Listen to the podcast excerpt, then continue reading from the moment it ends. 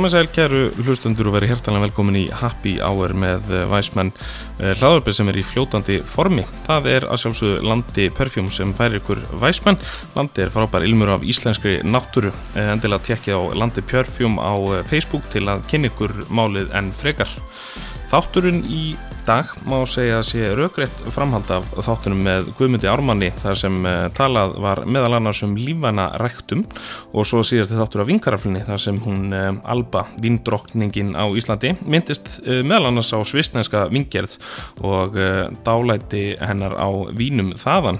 Það var því nokkuð raugrætt að heyra í höskuldi haugsinni sem er Íslandingur og framleiðir vín í Sviss og hann framleiðir víni sín einmitt með bí biodínamskunum eða lífanum hætti en þátturinn í dag var tekin upp í gegnum netið og því er um, svona nýjung hér í Happy Hour sem að verður ánefa notuð í framtíðinni. Uh, Atvega þáttinn má einnig uh, horfa á inn á uh, Facebook síðu Væsmenn. Vínin frá Haugsson má finna í ríkinu undir vörumörkinu Haugsson Væn og hafa hlotið mikill að vinsælta hér á landi. Hauskuldur heldur reglulega vinsmakki gegnum netið og hveti ykkur til að fylgjast með eh, Haugsson Væn á bæði Instagram og Facebook. Nú umfyllunum þennan þátt má svo finna á væsmenn.is og ekki gleyma að fylgja Happy Hour á Instagram og skrá okkur í Happy Hour grúpuna á Facebook ef þið viljið hafa áhrif á umfyllanarefni þáttana. Ef þið viljið fylgja mér persónulega þá getið fundið mig undir því væsmenn á Faceinu og Gramminu. Nú eins og um, alltaf þá minn ég á orð væsmenn þegar áfengar vegar eru við hönd. Drekkum ekki til að gleyma, drekkum frekar til að njóta. Enda lítið hana hægt þegar vegarnar eru gerðar af jafn mikilli ástríðu og metnaði eins og hjá höskuldi.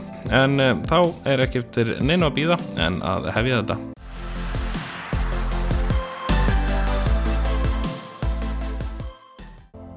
Ég er að, ég byrjar að senda þetta inn á hérna, YouTube þannig að Það er bara snill. Það er bara að sína, það er bara að sína hvað við erum sko.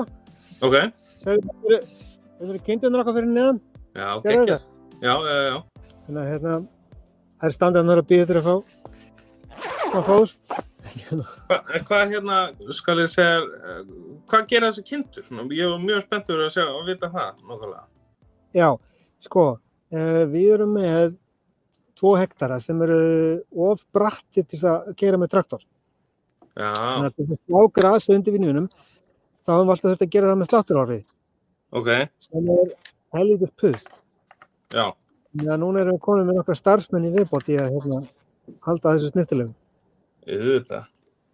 Það er, sko, það er eitt og svo hérna, eins og alltaf, þetta er náttúrulega líka svolítið tæknilega, maður getur farið svolítið lengur út í þetta, að hérna, að það eru komið alveg frábæra nýjar rannsóknir fram sem að sína það að allavega einhver hluti af því sem að kalla terrorengen í víni Já. það kemur frá sko örverónum í jarðveginum Ok. og nú sko eins og vínviður er ræktaði svona á, á yðnaðar skala hitt um allan, allan heim og þar er þetta verið að sprauta alls konar efnum á bæði á vínviðin sjálfan og, og jörðina til þess að drepa gróður veit. sem að hefur náttúrulega gífilega áhrif á, á um, organismana í jörðinni Mm -hmm. og við erum að vinna líf elft eða biodynamist og núna með því að fá sko kendurnar inn á jarðveginn líka þá náum við að hérna að, að, að fá meira sko mikri hérna, af þessum örverum í jörði, jörðina Mm -hmm. við náum að loka ringrás lífsins í raun og veru frá því að grasið vex og þá kemur loksins grasbítur og og getur grasið og, og meldir það með öllum sínum hérna, bakteríum í þarmaflórunni og hérna skilja þetta tilbaka í stæðan fyrir Já. bara að ágræsa þetta. Mm -hmm.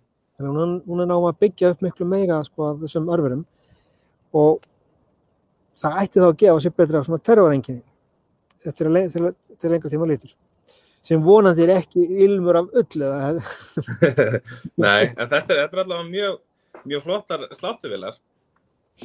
Þær eru það, þær eru ósku vingjallegar og hérna, ég sé að hérna standa hérna og horfa á okkur sko. Það eru fylgjast um, við erum býða að fá- hérna fá smá fóður. Magna.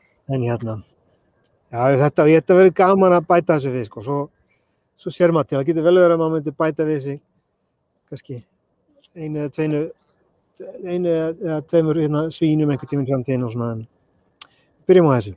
Mm. Vistu vel að það? Hvernig er veðrið þér? Nú eru nú Íslendingar elskar nú að tala um veðrið, sko. Já, það búið að vera, það, það var sko bara snjór og frost og kallt fyrir tveim vikur síðan og svo skiptist það nokkurni fyrir viku síðan búið að vera hlýtt og núna þessa vikuna er, er sól og blíða okkar um einsadegi og alveg í svona 17 stegi heiti, 17-18 stegi heiti. Ok.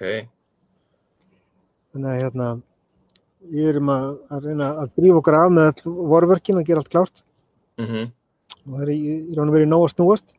Það sem við erum að gera á veitunar er fyrstilega er, er að klippa vínviðin, um, að koma svona allar, hérna, svona allar greinir það sem að uksu á honum í, í síðasta sömar. Já.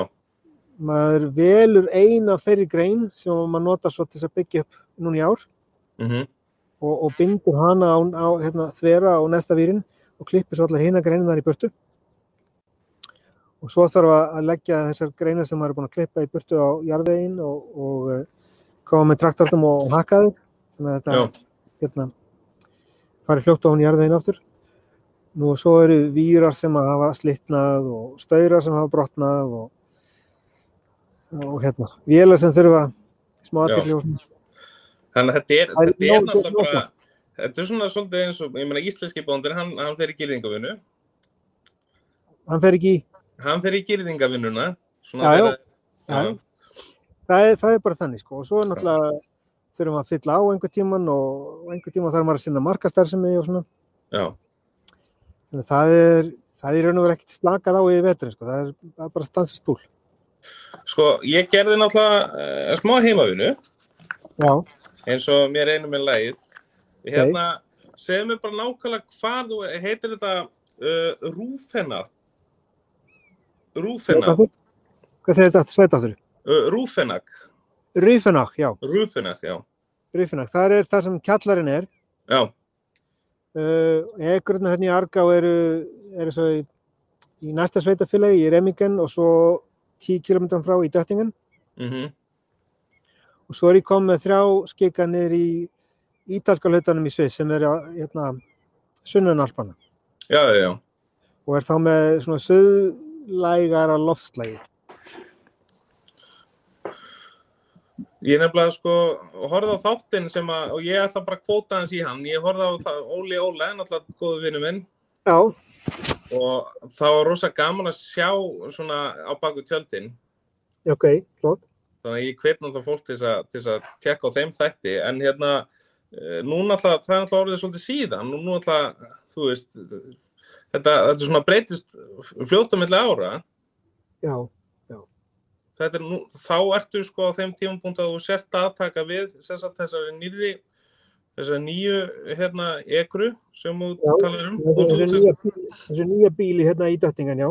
já, já, já, og það, það er sagt allt komið núna. Já, já, það er allt komið og við byrjum strax að breyta því yfir í, í biodynamist. já, og, og, og það er búin, búin tvö ár, þess að bara eftir árið í ár þá er algjörlega búin að, búið að breyta því. mhm, Um, og við höfum verið að, að fækka tegundunum mikið. Uh, það, ég var uppalega með 16 tegundir, ég komið niður í 11 núna. Uh, þá var ég að taka í burtu. Sko það var hérna áður fyrr máttu framlendur hérna kaupa Ærland vín og blanda saman við víni sitt. Já, ok Þetta fyrir sko, hérna, 30, 40, 50 ára. Sko. Mhm. Þá vorum við að kaupa hérna, eitthvað dísætt gull frá hérna, Ítalíu já, og blanda saman við súra pínóin hérna til þess að fá einhverja skynsenlega blöndu. já, Svo, svo var þessu hérna, ég veit ekki hvað þessi, 30, 40 ár síðan sko, var þetta bannað já, og þá voru menn að planta uh, örlítið af, af tegundum hérna inn á milli sem að gefa af sér bara mjög sterkan lit. Ok. Svo til að fela sko, föla litin í já, fyrir hérna, hérna neytandarmeina og ég var með einhverja þrjár svoleiðis mismunandi tegundir þannig ég var að veist, bara losa, losa með það. Vist, mér, mér er alveg saman hvernig vín er á litin ég er bara að það sé gott að bræða já, ég er samanlega þannig að hérna, ég byrjaði að losa með það og svo var einhverja svona aðra tegundir hérna sem að passaði engum veginn hérna. Þannig að ég er að taka það í burt og ég er að bæta við mig Pinot Gris. Uh, ég er að gerja það allt á skinninu núna. Það er, Ok, ég, Óli fekk að smakka smá hérna því að þessu bleika Pinot Gris sem ég á með. Það, það kom rosa vel út og það er núna, núna ger ég allt Gris og leis. Mm Uh, ég er að bæta við mig Riesling og ég var að bæta heilmikið í bláfrængis. Ok, Þannig að ég er svona strömlinlega á portfóliuna og ég tek vantal út allavega eina tegundun í sumar og svo er ég með eitthvað smávegis af Malbec og smávegis af Sauvignon Blanc og það er bæði sko svo lítið ég þarf annarkvort að stækka það eða taka það í burtu og ég er ekki búin að ákvæða hvort það er. næ. Sko, hvað, förum aðeins yfir hérna, eh, bara, þegar þú talar um sko tegundi, ertu að tala um blöndur, ertu að tala um þrúur, eða, Þetta er þessast þrúu tegundina sem ég rækta. Og ég, ég fyllir vínin yfirleitt á sem bara hrein sko, hver þrúu tegund fyrir sig. Já, já, og stundum, stundum bara hver ekra fyrir sig.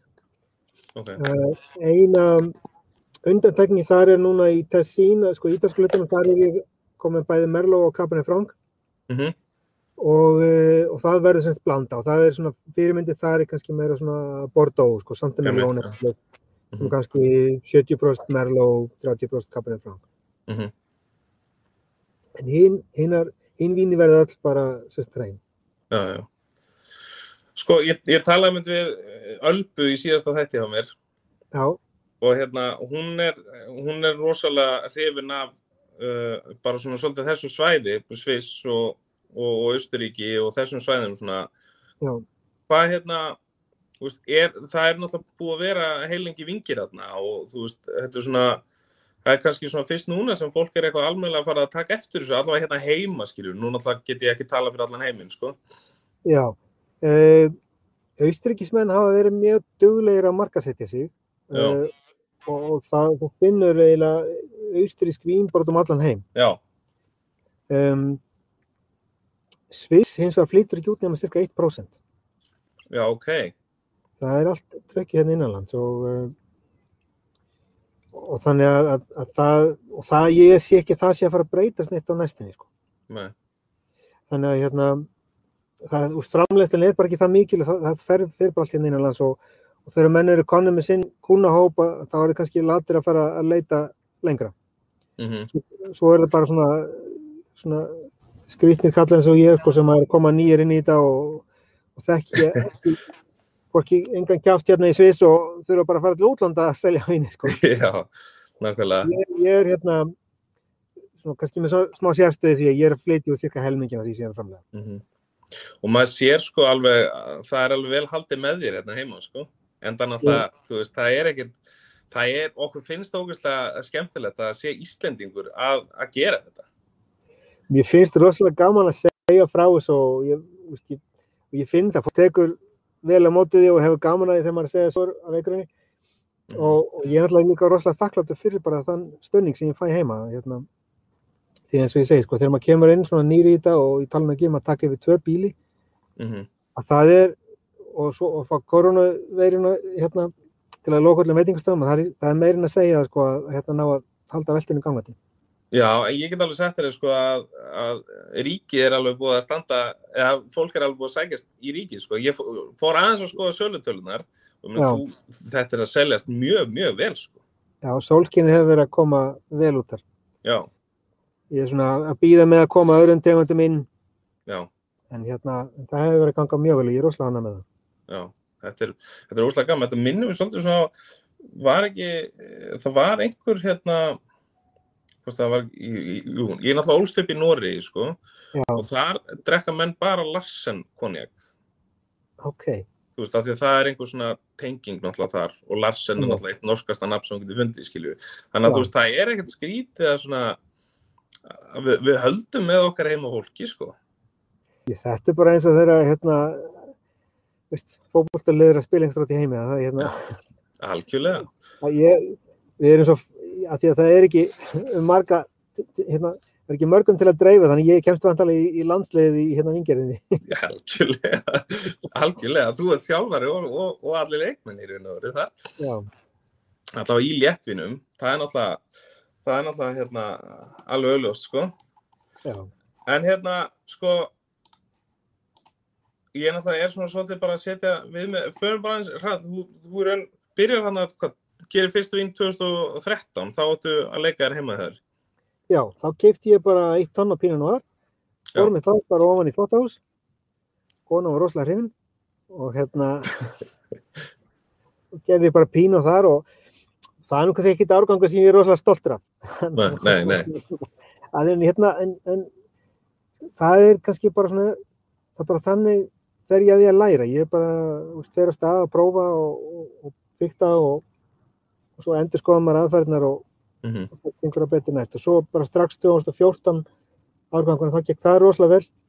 Það var endar hérna erfitt ár, það var hérna mjög tæpur þroskin á þrúunum, þannig ég tók hlutan af þrúunum og, eh, og þurrkaði þær Já, tengdapappi á svona gamlan hérna, kofa, uh, viðarkindan kofa sem að nota til að þurka perur og epli ok, og ég fóð bara með 10% af þrúun og þangað og þurkaði þeim.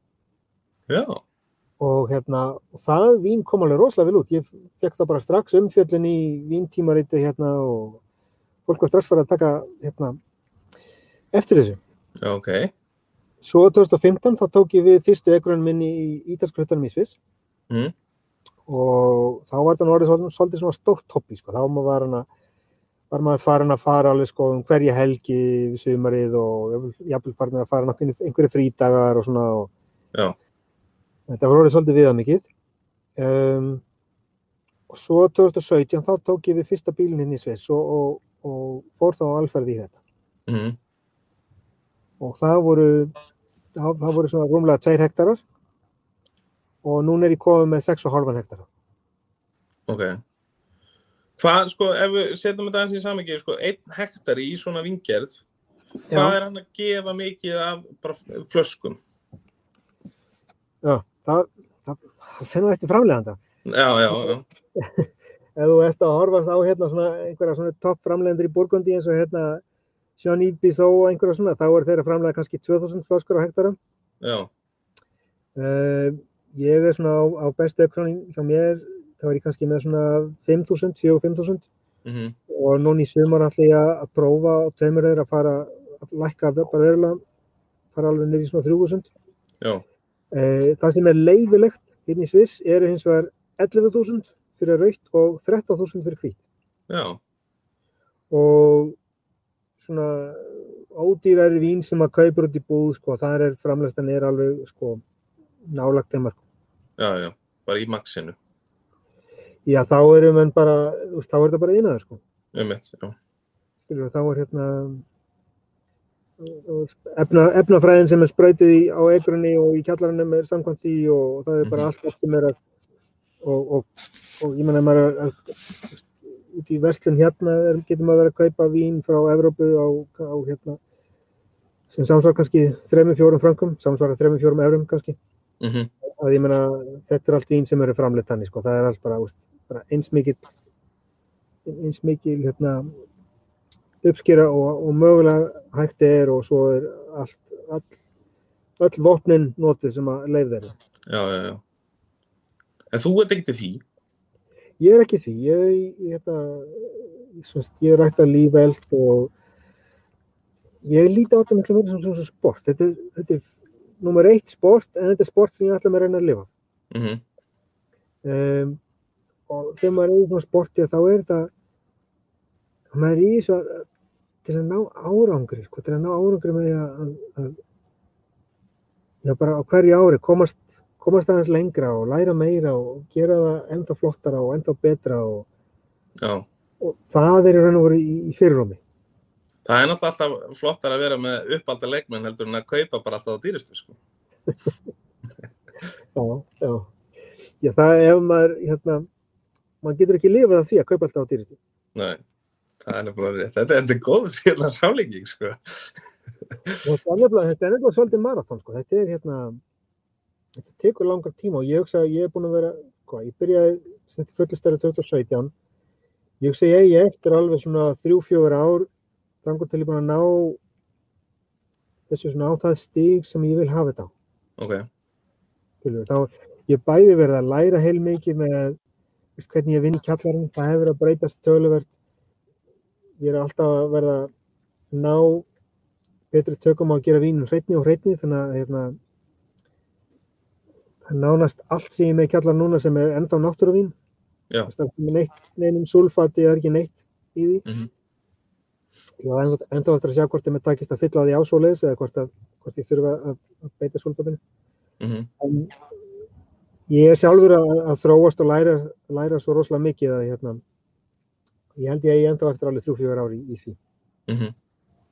En hvert sko, um, Óli spurði þér svolítið eh, hérna í þessum þetta og spurði þér svona hversu stór ætlar að vera og eitthvað svona. Er, ertu svolítið að taka þetta bara, bara dag eftir dag og, og þú veist bara svona, þú ert ekkert búin að ákveða neitt á, endilega hvað þú ætlar að, að- gera. Er þetta ekki bara svona svolítið þróun að vinna alltaf?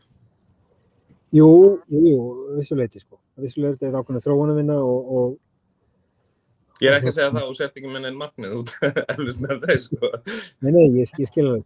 Nei, nei, þetta er, þetta er þróun að vinna og, og alltaf þegar maður lærir eitthvað nýtt að þá þá allt í einu opnast, opnast ærir möguleikar og þá kannski þegar maður að hugsa um framtíðan og annan hátt, við.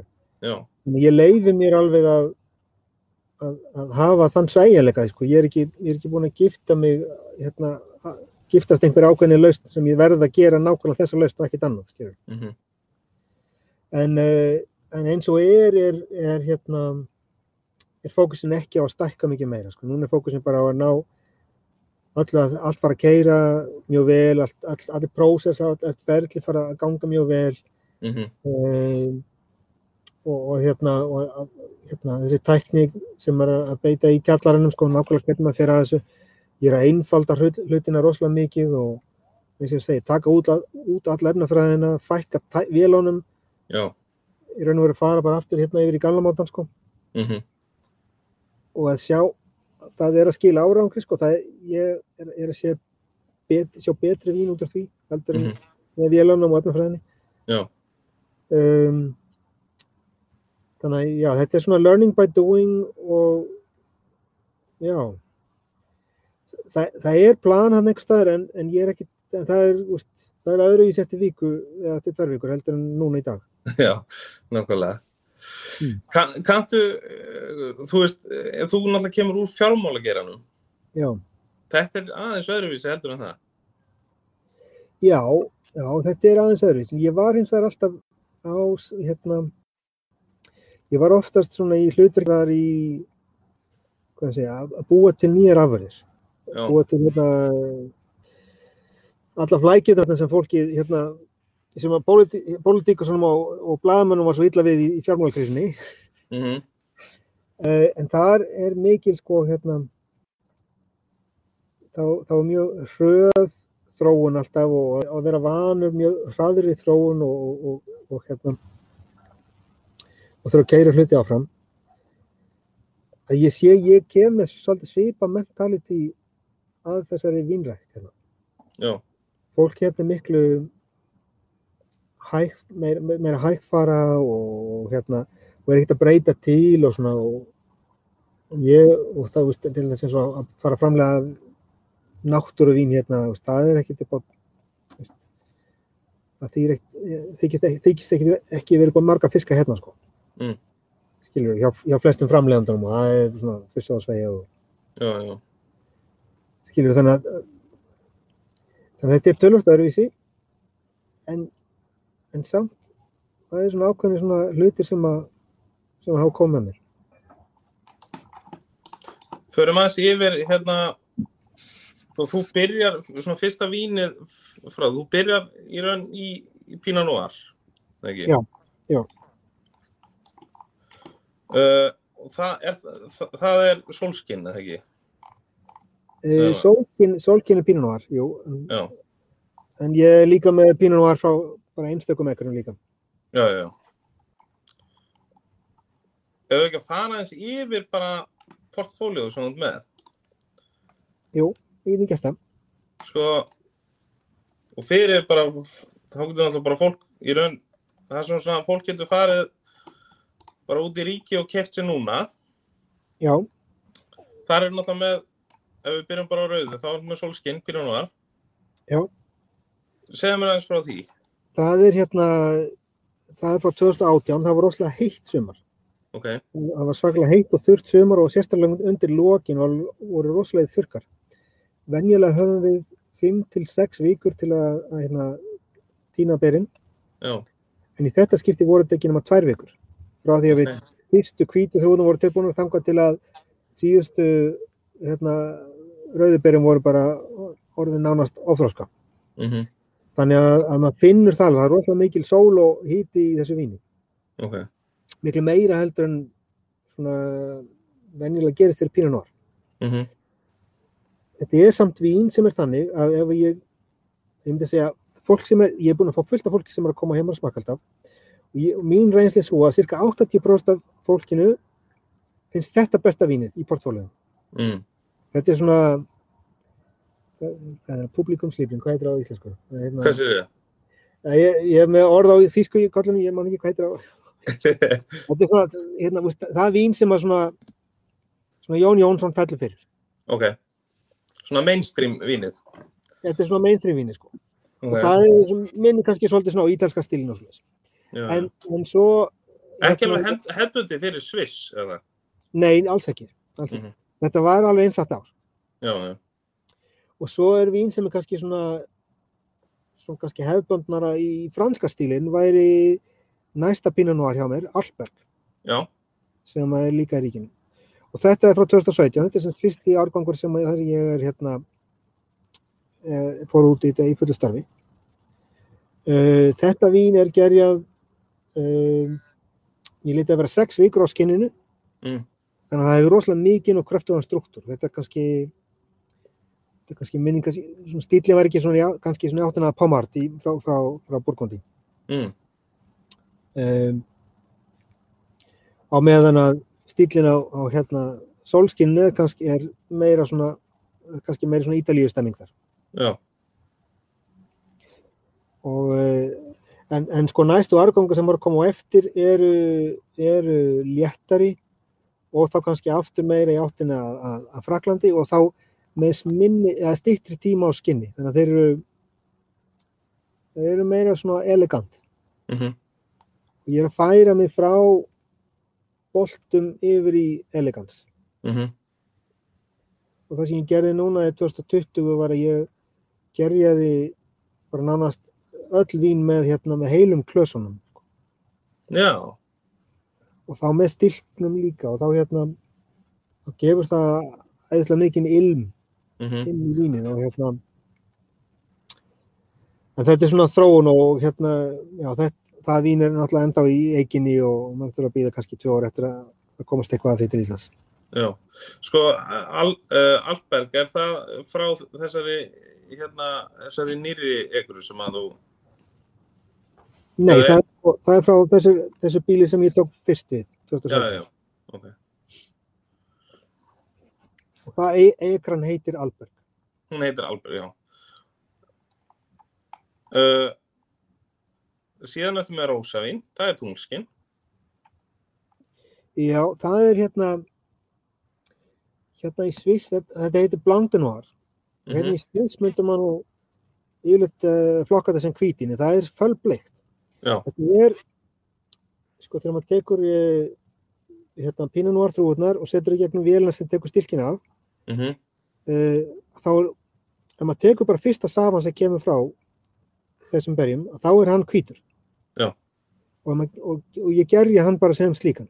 mhm, Og það, en, en hann, þegar ég segi hvítur, sko, hann er svona föl laxableikur. já, og, og þeir hjá átíðafæri vildi flokka þetta sem, sem rósaðin og það skiptir mér svo sem einhver máli. nei, Það er allt í lagi því að hérna, ef einhver opnar þetta og heldur þetta sé hvítin og sér föl laxablegt þá er kannski vonfengin já, já, en, en, á- en á sama hátt sko ef einhver kaupir þetta sem rósaðin og opnar þetta og sér hvað þetta er föl laxablegt þá er kannski líka vonfengin. já, ég, það vantar náttúrulega bara góð Rósavín, sko, í, í portfólíu hefðum, þannig að það er kannski alltaf að sé það, sko. já, já, já. En þetta, það sem er gaman að þessu sko, þetta er eina af fyrstu vínunum mínu sem ég, mér er tekist að gera sko án, það er sulfít í því en að öðru leita ekki neitt annað. Já, já, Þannig að þetta er, uh, just, í raun og veru má segja þetta sé náttúruvín.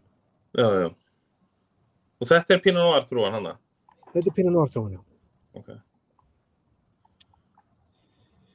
Svo er ég með Arberg, uh, Mullet Turgá. Já, Það er hvítt. Um, það er gerjað í fjóra daga á skinninu. Þannig að það er svona half orange. mm. Ég nú ráð fyrir að þú ert vantilega búin að hafa Óla og fleiri í þættinum þannig að vita vantilega allir hvað orange er. Hvað orange væn. Þannig að þetta er svona half orange það, og hérna það hefur verið að koma rosalega vel út sko. það er hérna þessi svona þetta er fólk sem að veit ekki hvað orange er og, og hérna þú er ekki að prófa eitthvað nýtt ég þarf ekki að segja það neitt frá því ég bara segja hérna ekki að það smaka þetta. Og það bara já, heyrðu, vá, ok, þetta er flott. Gekka.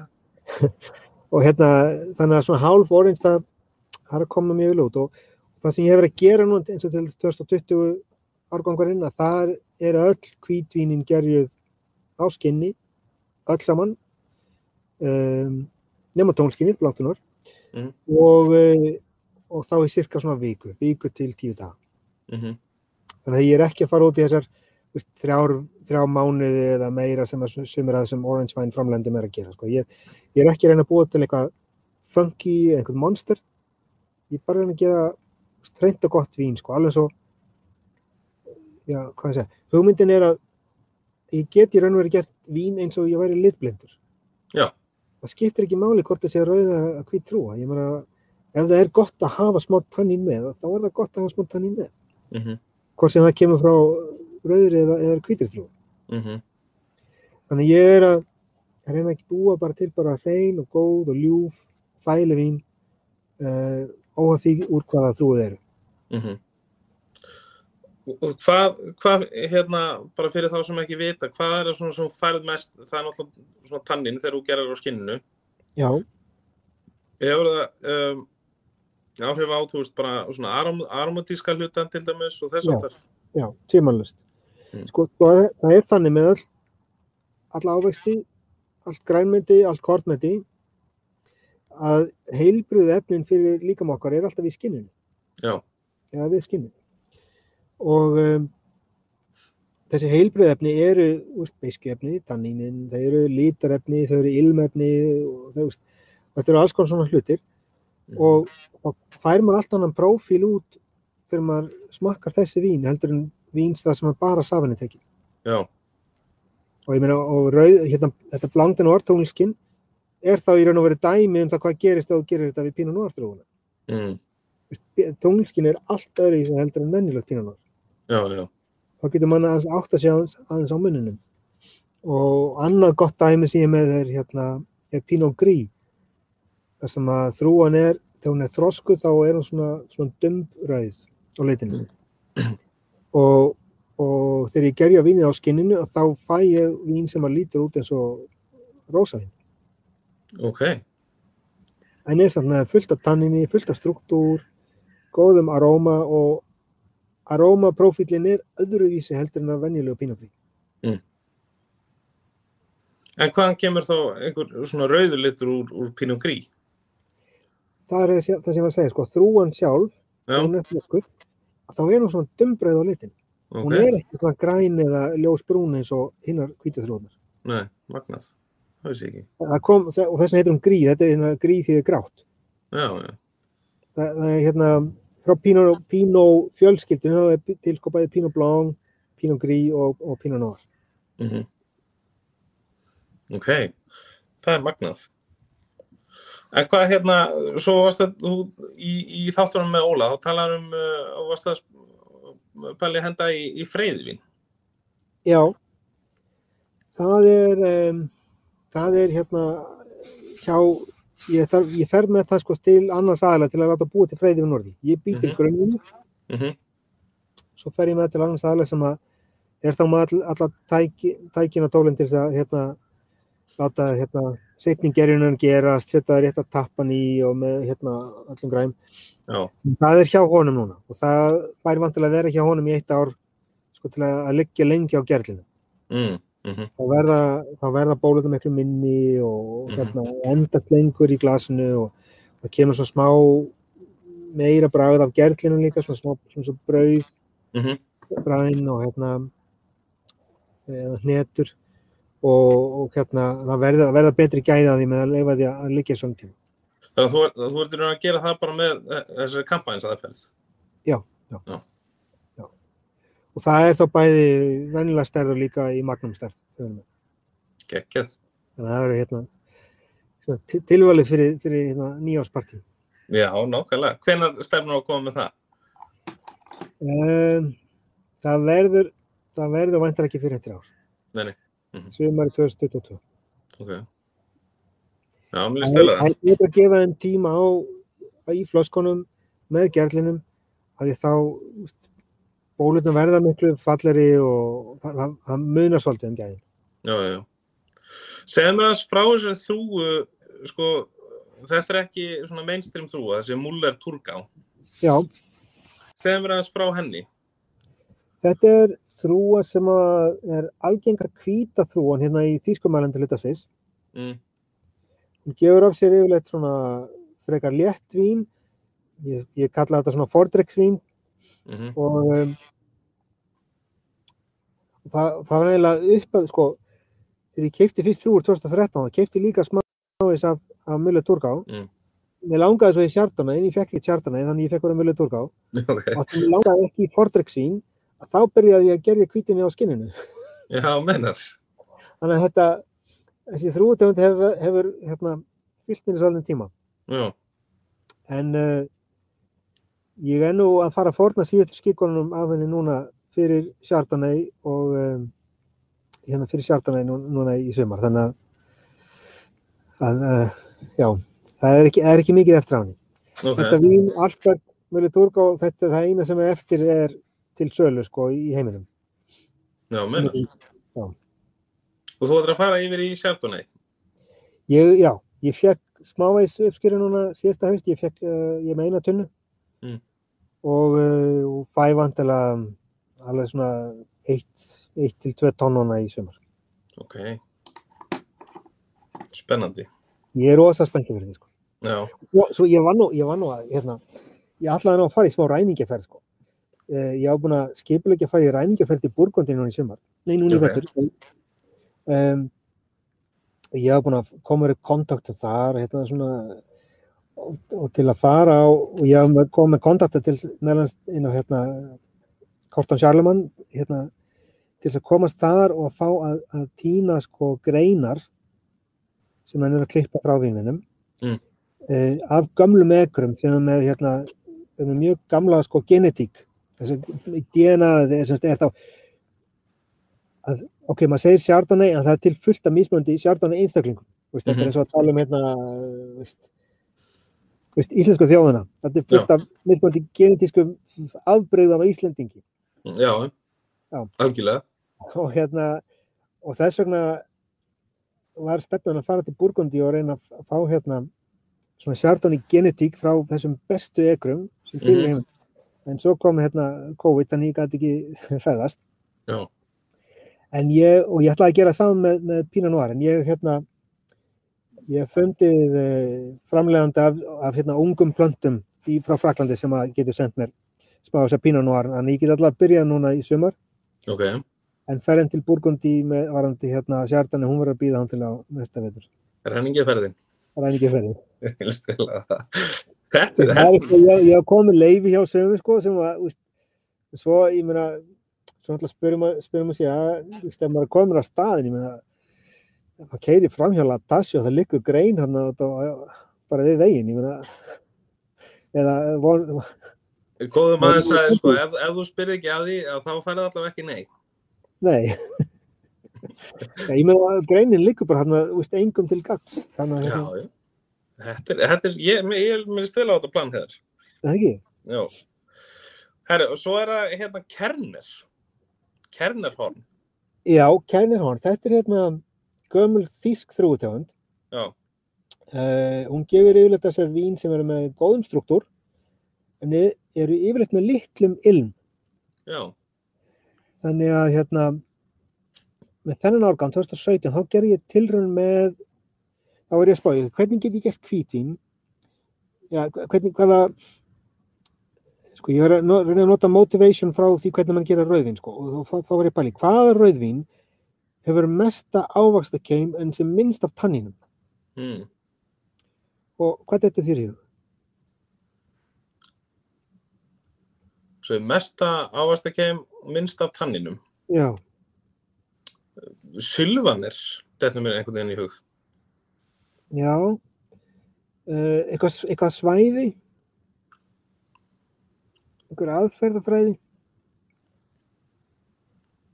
Allavega, ég vil ekki vera, Ég er alveg blank og eiginlega. já, ég vil ekki vera knætt, en hérna, mér þetta telst í hug, hérna, búsölinn og vó. Mm, já, já, já, það er mega sens. Skilur, það, það er gerja og það komið á markaðin innan, innan nokkur að vikna Mm -hmm. uh, og hérna, pumpu fullt af ávisti en hérna, en, uh, en, en ekki alltaf mikið af tanninni. Nei. Og það er gert með aðferð sem heitir Massarjan karboník. Mm. Að þá hérna, eru berin í, í raun og veru umhullt af, af hérna, koldisýringsgasi Mm -hmm. þannig að það komist að þeim og ef það kemst að þeim þá geta engar bakteríur sem eru háðar súrefni lifað. Mm -hmm. og þá, þá, þá gerist ekki slæmt þarna ást. Og það sem að gerist þá er að berin byrja að gerjast innanfrá. Já, ég lærði um þetta einhvern veginn í, í skólanum í den. Já, nákvæmlega. Og það er ekki gerill sem er að ger- gerja þau, heldur er sko frumurnar í berjunum sjálfum eru ennþá lifandi. Og þegar plantan hættar, hættir að, að, hérna, að koma með hérna, næringu til þeirra, Mm. þá byrja frumurnar í berjunum að brjóta niður sín einn síkur úr þessum síkri verður það til alkohól og koldisýringur. Svo þegar hérna, alkohóli nær rúmlega 2%, 2-2,5% að þá hérna, eitrast það fyrir frumunni og hún, hún drefst. Mm. En það sem að gerist er að þá þetta komið smávís af alkohóli inn í berið Mm -hmm. og þetta alkohól inn í berinu það getur byrjað að leysa út sko ilmefni út úr innan frá skinninu. Mm. en að því skinnið er ekki ennþá rifið það er ekki ennþá að rifna þá kemur svo lítið Já, já, þannig að ég notaði þessa aðferð við þetta kerner ok. 2017 og uh, já, og það var, það var mjög spennandi. Núna er vínur árið hérna, tölur þróskara, það komið þetta er hérna þetta er þrúa sem var, var búin til fyrir 200 árum síðan með að prosta saman rísling og trollingar Já, já. og núna er fann að koma svolítið svona svona keimur að því svona eins og gamlu rísling Ok. þannig að þetta er, þetta er árið svolítið, svolítið flott núna, það er hérna komið svona svona, svona petrol not. Já. Alba, einmitt, mér minna hún hafi tekið fyrir uh, þessa þrúgu í, í síðasta þetti. Hún alltaf er bara, veit svo mikið um vín að það er eiginlega, maður verður bara, bara vitleis við hliðan á henni, sko. já, já, hún er eins og gangandi Wikipedia Já, heldur betur, sko. Já. Já, ok, þannig að þetta er með hvernig svona, þetta, þetta er raun síðasta víni sem að er síðan í ríkinu frá þér. já, Ef við förum aðeins yfir, sko, og spólum sér bara tilbaka og förum aðeins yfir svona með hverju þú mælir með að fólk borði með, með þessu víni. Fólk er nú svona svolítið að spá í því. já, Hvað, hvaða matur gengur vel með þessu kerfnarhorn? ég, ég myndi segja allt Já, gangi mjög vel sushi Eh. og eitthvað svona. sushi, já, já, thai curry Já, um, og, og, og allt í þáttina uh, það gengur vel með fiski já, og það er hvað ég segja að því að það er komið sko, þessi svona petrolnóta inn í þetta að, að þá er þetta farið að verða sko jafnvel spennandi með sko bara með sko svínasteik já.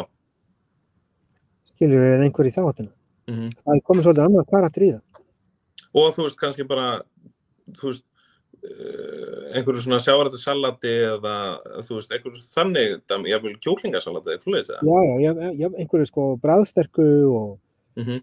og hérna með, miklu umami og slags Mm -hmm. Henda, henda vel í slíkt Ok. Ef, en ef við förum í eins og, sko, múler, múler túrgá.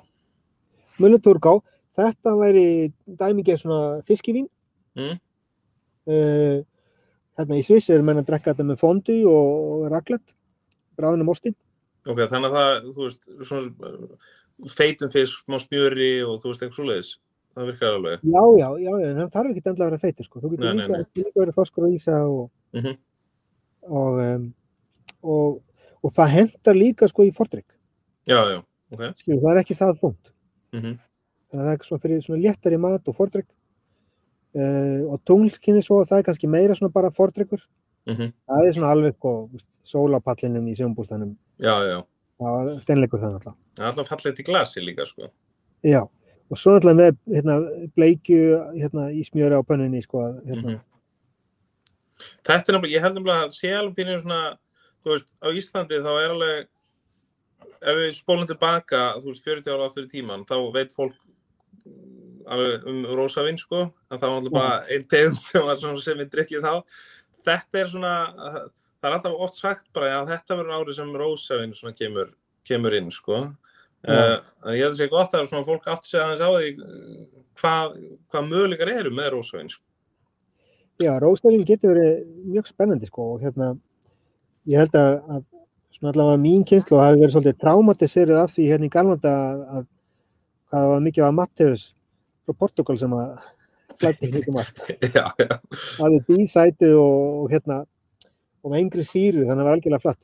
Mm En uh, það eru margir sem að sem að hérna úst, ég, ég er með vínsmakk og úst, það er, ég myndi að segja að það er svona kannski 5% af kallmennu sem bara þvert taka fyrir það að smakka rósa.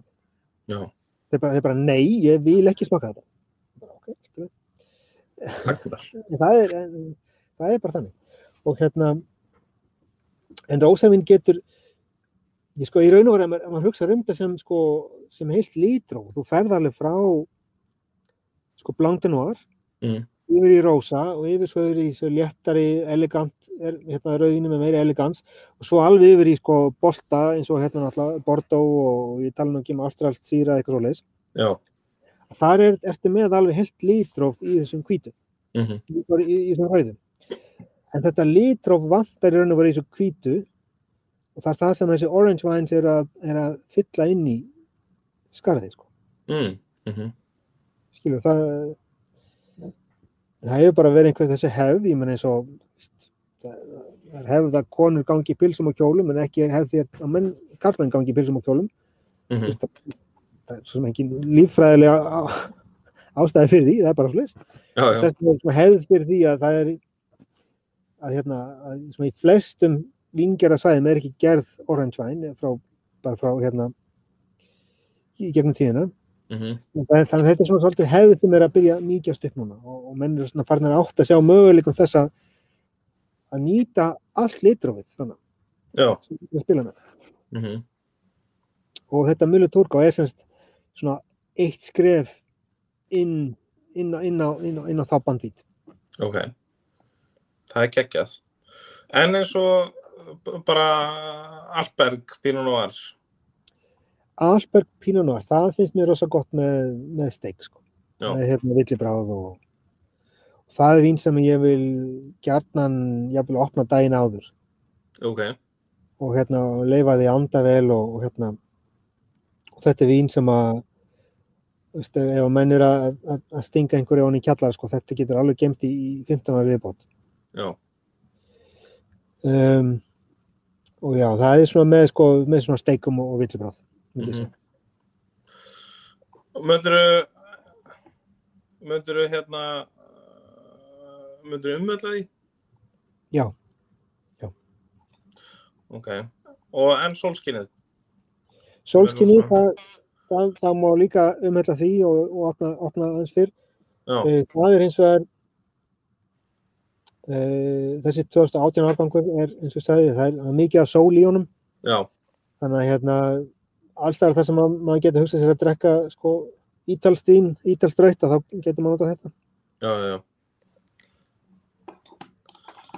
Herðu, síðan, sko, nú er ég ná, að því ég er náttúrulega, ég er ekki sérstakur vinsérfræðingur, þó ég hafi nú Mhm. lært það, en það er svona langt síðan ég hætti að almeinlega svona lesa mig til eins mikið við gerði. Já, En það eru tvænja vörur hjá þér sem að ég er einstaklega áhugaðsamur um flott. og hérna, það er eitthvað sem við ætlum að spjalla þessum núna. Því það Já. er vermúð. Já, það er verðmátt. Hann er æði. Ég var, ég var með starfsmann hjá mér 2019 í sömarið, félagi minn hérna Ítali sem hefur unnið á, á sem þetta verið að reka bar í 20 ár mhm, og hérna upp á skíðasvæðinu þar sem við erum alltaf á veitunar og þá hérna var hann lítið að gera um sömrið og það sagði bara okkur kottu verður bara hjá mér yfir sömrið og, og hérna þá var hjálpað með rækurinni og ég hef verið að rækta svona smá heilsu jörtargarð svona smá hérna skika mhm, svona 5-10 metra. Og hugmyndin af því að því ég er náttúrulega að vinna lífelt er, er, er að búa til svona ímis jurtateð sem ég sprauta á vínvinn til að styrkja hann og verja hann gegn sveppaskingum og vermútin nota ég til að verjast um, flugum sem sækist í berin þegar þau eru honum sætt. mm, Það er bara vespur og svo an, an, annur hérna, minni kvikindi sem eru til til að nýkomi frá Japan sem að verpa inn í berin. mm, Þannig að hérna, ég nota vermút, pípamöntu og timjan í það og það virkar mjög vel. ok, Og svo, náttúrulega var ég með hérna, hérna félag með hérna að vinna með mér og hann sá hann að vermút, hefði, við þurfum að gera vermút.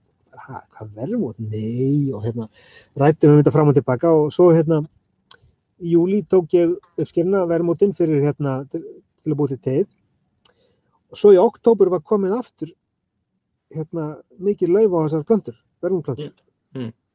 Það segjum við, ok, heyri, við prófum, við gerum til hann og við byggum til 70 flöskur. Mm. Og þar notaði ég orange wine og með miklu battonas, með miklum exposure hérna, við, hérna, við gerilinn til að fá mikið smjörbræðinni, þetta mikið umami. Eh, notuðum ferskar vermutplöntur af einhverjum, við notuðum líka hérna, eh, ferskt eh, lambagras já, sem að vex hérna á ekran hjá mér líka. Það er ákveðin, lækn, ákveðin lækningajurt líka. er þetta bara lambagras eins og þú finnur hérna í íslenska náttúrulega? Já, og svo notum við líka vallumar. Já, það er uppáhald sýsti mín. Þannig að hérna, þetta voru þær þrjár jurtategundir sem við, hérna, við erum bara með á ekranu og notum í þennan vermut. Mm. Og hann kom svona vel út. Ég, ég var með hérna, tildulega fljótt var ég komið með tvo stjörnu veitingarstaði hérna úti sem voru konum þetta inn í sko, hérna, pörun Mm, og voru bara mjög ánægð með þetta. mhm, Ég, náttúrulega ekki með það, bara 70 flöskur, já, það fór á nógunni. En núna í haust, síðasta haust, þá gerðum við miklu meira, sko. Þá gerði ég 1000 flöskur af hvítu og ég gerði líka af rauðu, 1000 2000 flöskur af rauðu. mhm, Og þetta hvíta er, er aftur hérna, sem sagt, það er orange að það er bæði að Mulliturgá, Kerner og Blanc de Noir í því. Mm. En svo koma skinnum frá Riesling, frá Sauvignon Blanc og Chardonnay í það líka. mhm, Þannig að þetta er alg, svona alveg bara ekta orange wine. mhm, uh, og svo með uh, vermút hérna plöntunni. Uh, og rauðvinnið þar og hérna, og hérna vallumal og, og lambagrasnu en rauðvinnið þar var ég með hérna Pinot Noir sem ég átti í eik og settum í það bæði vermút og líka hérna stilkin af, um, af Pinot þrúinni mm, sem gefur af sér aðeinslega mikið perfjúm mhm, og, og hérna og það, mér finnst það verið að koma rosalega vel út líka. Mhm, og þeir, og hérna vermút er náttúrulega sko beiskur. Og, og vermút er notaður í kokteila svona út af, út af beiskunni mm, um, þessi hvíti er svona mildari og þessi rauði er svona aðeins krafturi varandi beskuna og ég geti kannski frekar séð hann fyrir mér sem kokteil hérna sem, sem hérna, e- e- e- efni, efni við kokteil mhm, En ég er að drekka þetta sjálfur mikið á, hérna, á spænska mátan. ok, Þegar mann setur bara kannski eina sneið af mandarinu eða læm eða appelsínu úti. Mhm, og ekkert annað. Kannski, kannski ísmóla ef mann kæla það snur. mhm, Það öðru leiti ekki neitt annað og gjarnan í, í belgmiklu glasi þannig að maður fái allan ilminn beint í æð. mhm, En þetta er hérna, ég er rosalega spenntið fyrir þessu og ég, ég kom, kom inn á fleiri staði núna. Það er alltaf búið að vera svolítið erfitt út af hérna COVID sko, en, hérna, en ég sé þetta fyrir mér eitthvað sem ég muni keira miklu meira inn á veitingastæði frekar heldur en á bari. Mm Já, sko þetta meikar svolítið sens vermút yfir höfuð er svolítið uh, að endur uppgötast núna. Já. Uh, þetta er allt fyrir þetta í ringi, skilur við, uh, sherry allt í hennu fekk bara endur nýjum lífdaga í, í, í formi kóktela. Já. Og, og það er bara, þú veist, það verður aldrei verið jafn mikil eftirspurn eftir sherry eins og núna, Já. sem er alveg steikt, sko. Uh, og vermúð er síðan næsta dæmi sko. En það meikar líka sens af því að núna er meira, uh, meira eftirspurn eftir svona svo kallum uh, low ABV drikkjum. Já. Og þá er, þú veist, þá er þetta náttúrulega bara, þú veist, heitir beint í mark sko. Já, og ég, og ég kallaði þá hérna hvítur og rauður, Já. eins og hérna Bianco og Rosso. Mm -hmm. Bara, Ég var bara geggjað. Ég var ástfangin, um leiður ég sá það, ég var bara, ég, ég verð það, eitthvað svona. Það er langt síðan ég hef lendið því sko. Já, já, ég er hérna, ég er eins og mikið svona báðum áttum hvort ég hef verið að- reyna að koma þessi inn heima. Ég er kannski, já, kannski verið ég að senda þetta heim líka þegar hérna, Já, að koma ég, til inn í ríkja. Ég- um, Já, já, og bara Ég er ég, ég er með ákveðna staði í huga, sko, sem að, sem að munu alveg heiklust taka þetta, sko. Því þetta er nefnilega, hann er nefnilega óvenjulegur hjá af því hann, því hann er ekki sætur. Mm -hmm. Venjulegu verðmóti er svo mikið sigurgull Mm -hmm. og hérna, og það sem ég, sko ég er, mín filosofi er að ég vil búa til afurður sem eru hotlar.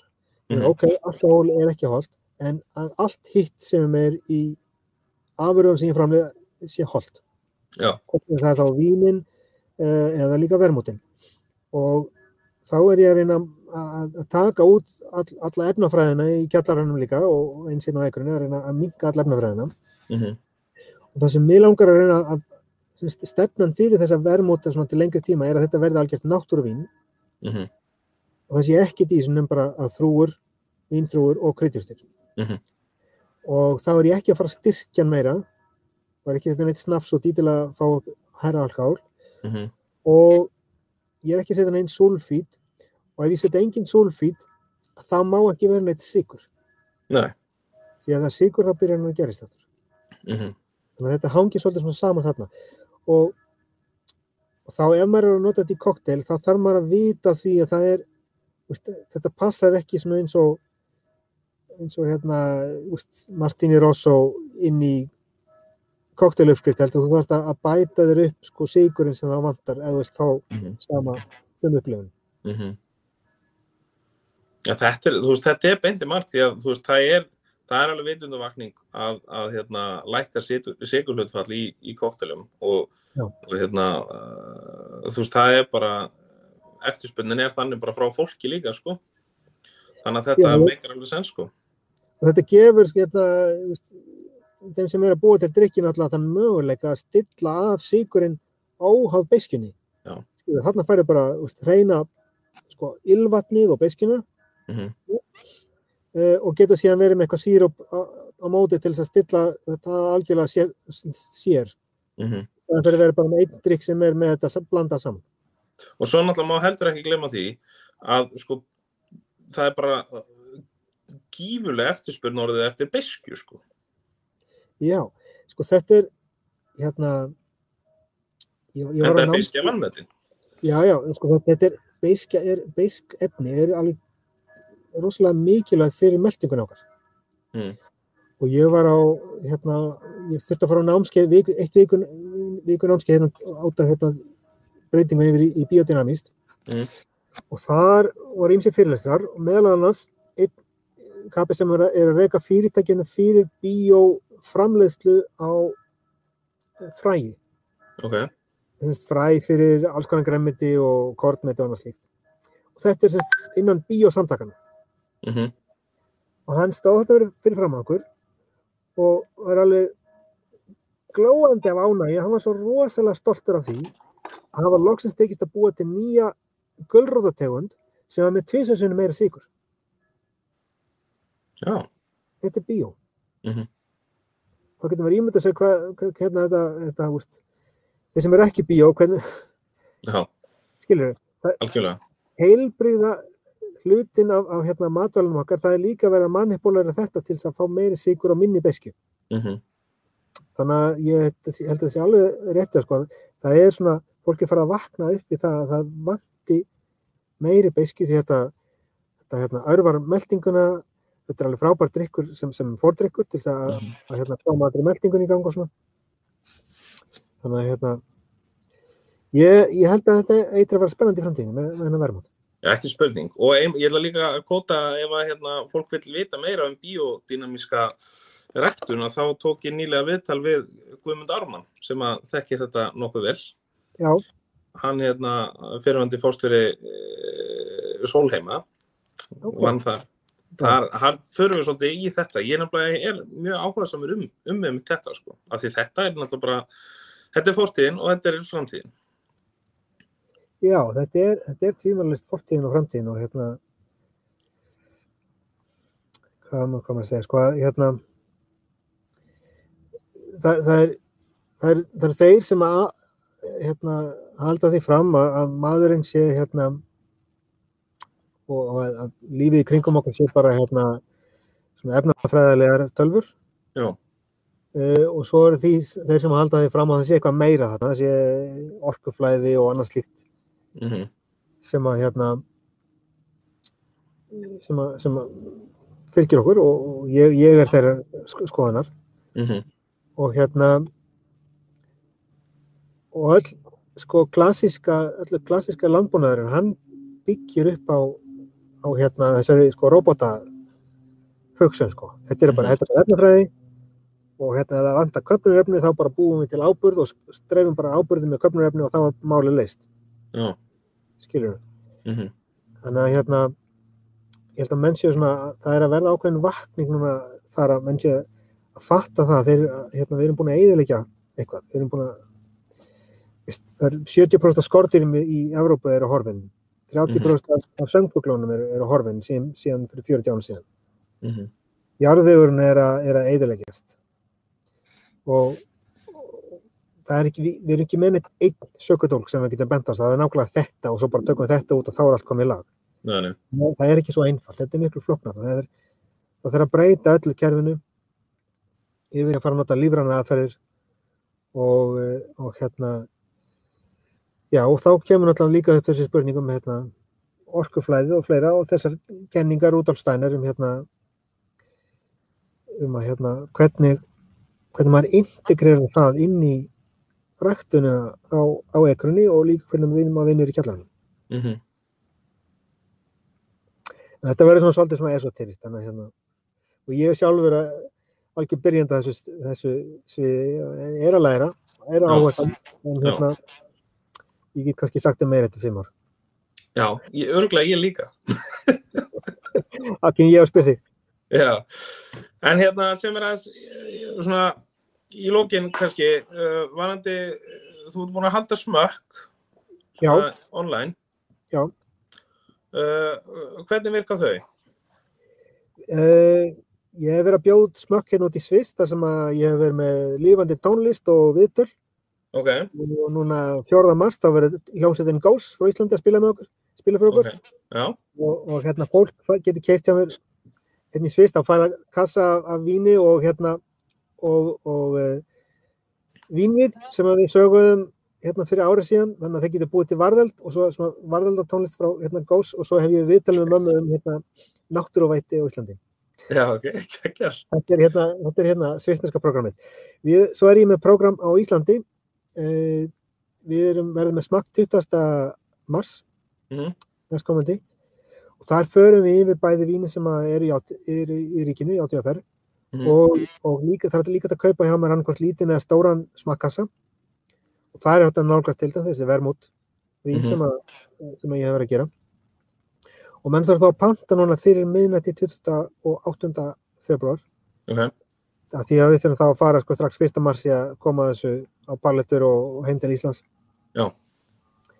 til að hérna þetta verður komið í tækatíð til þess að mm -hmm. hérna, verið með þetta í hondanum þegar smakki verið 28. mars ok geggjað og það er hérna veist, það kostar heldur ekki að vera með maður líka þetta bara hlusta á en, en mann vilja mm -hmm. og, og einskilta maður bara ná sér eina flösku frá okkur í, í ríkinu og en mann vilja bara svona gera þetta svona einfalt. Já, já. og þetta verður inn á Facebook síðan okkar, okkar og inn á YouTube síðan okkar líka. Geggjað já. Ég, sko, þetta er náttúrulega fyrsta svona viðtal sem ég tek í gegnum hérna, ég var styrnir þegar þú sagði hvað er þú bara í torkónum þetta er náttúrulega klála það sem að, maður þarf þú veist, maður þarf bara að lifa við þetta í dag. Það er ekki eins og maður segja að ferðast mikið Já, þú sér, þetta, þetta er svo auðvöld þetta er mjög sáðum og eins og, eins og ég sko, þessi sko hérna livestream sem ég, ég verið að búa til hérna í Sviss að sko ég er að taka viðtal við fólkið og ég er sjálfur að klippa þetta live um leið og, og klippa inn tónlistina og, veist, og það er allt live. Mm -hmm. ég meti allt fyrir frá mig í tölfunni og veist, það gengur, það er ekkert mál. Okay. og líka að spyrja spurningana og svara hérna fólki á, á, hérna, á chatinu mm -hmm. þannig að tæknin er orðin það, hérna, það, þægilega, það er mjög einfalt að púsla svona hlutin saman Algjörlega mm. Og hvernar uh, stefnur að koma, uh, koma heim í heimsól? Það, það fyrir eftir hvernig hérna, hvernig þetta COVID-ævindri verið búið. Já, nákvæmlega. Ég sótti sótt um reyndir, kannski, kannski kem í ágúst. Já. Þá allavega skal ég vera búin að útbúa einhverja gegjaða drikki fyrir þig úr, úr vermúðunum. Herri, það verður gaman. Ég, ég er náttúrulega, sko, er vermútt virgin. Mm. Þannig ég hef svona verið að spyrja fólk, hérna, spyrja þín alltaf sín tíma um hérna koktela. Já. Það er kannski svolítið ósangjamt að vera að byggja fólk um kokteluskutt ef það veit ekki hvernig hann er á bræðið. Já, nokkulega. Líka bara ef hann er aðeins öðruvísi heldur en það sem við vanalega höfum, höfum smakað. En það er náttúrulega eitthvað sem gerur okkur ennþá forvittnari. Nú tala ég fyrir alla barþjónar. Já, en það sem ég rak mig á líka sem var rosalega spennandi var að hérna ég var með svolítið af, af þurrkuðu vermút Já.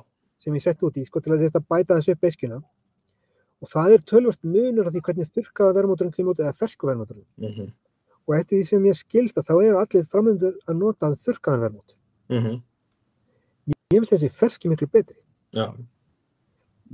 En vandamálið er ég get ekki búið þetta til allt árið á því ég, ég get ekki átt byrðir að einhverju hérna, hegi einhverja heisátt af vermót sem að ég hérna bara kroppa í eftir því sem, sem ég þarf mm -hmm. heldur ég það bara, veist, ég hef bara eitt séns á ári, það er einu uppgjera og þá þarf það að passa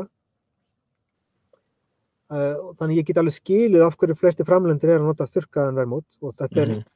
þetta er líka notað í, hérna, í absint framhengslinu, mm -hmm. það var þurkað en það er tölurinn munur og mér finnst að það er miklu meiri ferskleiki af hérna, þessum með fersku kryddjúrstanum Mm -hmm. Þetta er svona, þetta er svona kannski svona munurinn á milli indesks hérna curry og thai curry. Mm -hmm. Skilur þau? Algjörlega.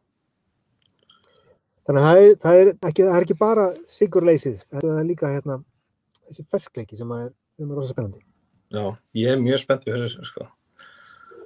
Og bara öllu, ég meina, ég, ég hef ekki ennþá gert svo frægur að, að smakka vínin Ég þarf að breyta því. Þú voru breyta því. Voru, ég þarf að senda þér hérna smakkasan og fyrir hérna smakkið okkar í 20. mars. Það var í náttúrulega geggjað sko. Það. Það var í geggjað. Sendi mér á hérna PM adressu. Gera það. Mm.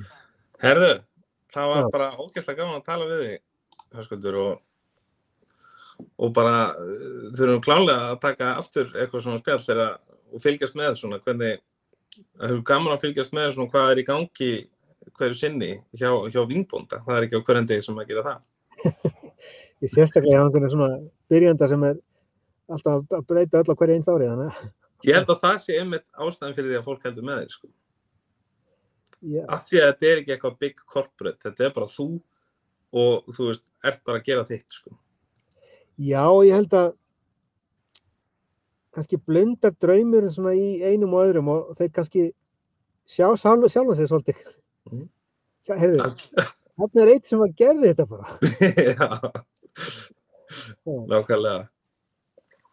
Herðu, ok, já, ég hvetum klálega fólk að, að, hérna, að panta sér vinkassa og vera, vera menn fyrir já. þá sem eru hlusta þetta fyrir, fyrir 28. februar.